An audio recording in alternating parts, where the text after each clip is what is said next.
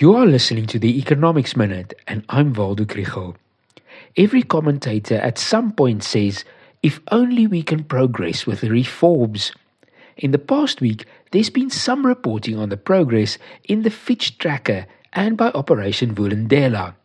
It's not a scoreboard, but at least it tells us what is moving.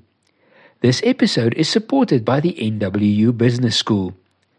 Fitch gives South Africa 5.5 out of 10 and mentions that in the third quarter, progress was made with the unbundling of Eskom and a license for a national transmission company. They say it's a step in the direction of making electricity supply more effective and competitive. They are also positive about Transnet's announcement that the Durban port will be operated in partnership with the Philippine company International Container Terminal Services.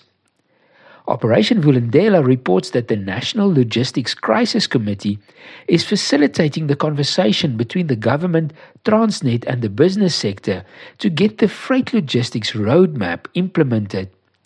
In addition, the implementation plans around changes in immigration and the visa system will soon be open for comment. The broadband spectrum that was sold earlier this year is also now available after analog transmissions above 694 MHz were finally switched off at the end of July. There is also a law on its way to Parliament which aims to better manage national water resources infrastructure. On the electricity front, six projects in bid window 5 have reached financial close. Another four should be completed in August and three in September. The wheel of reform turns slowly, but at least it seems that it's still moving.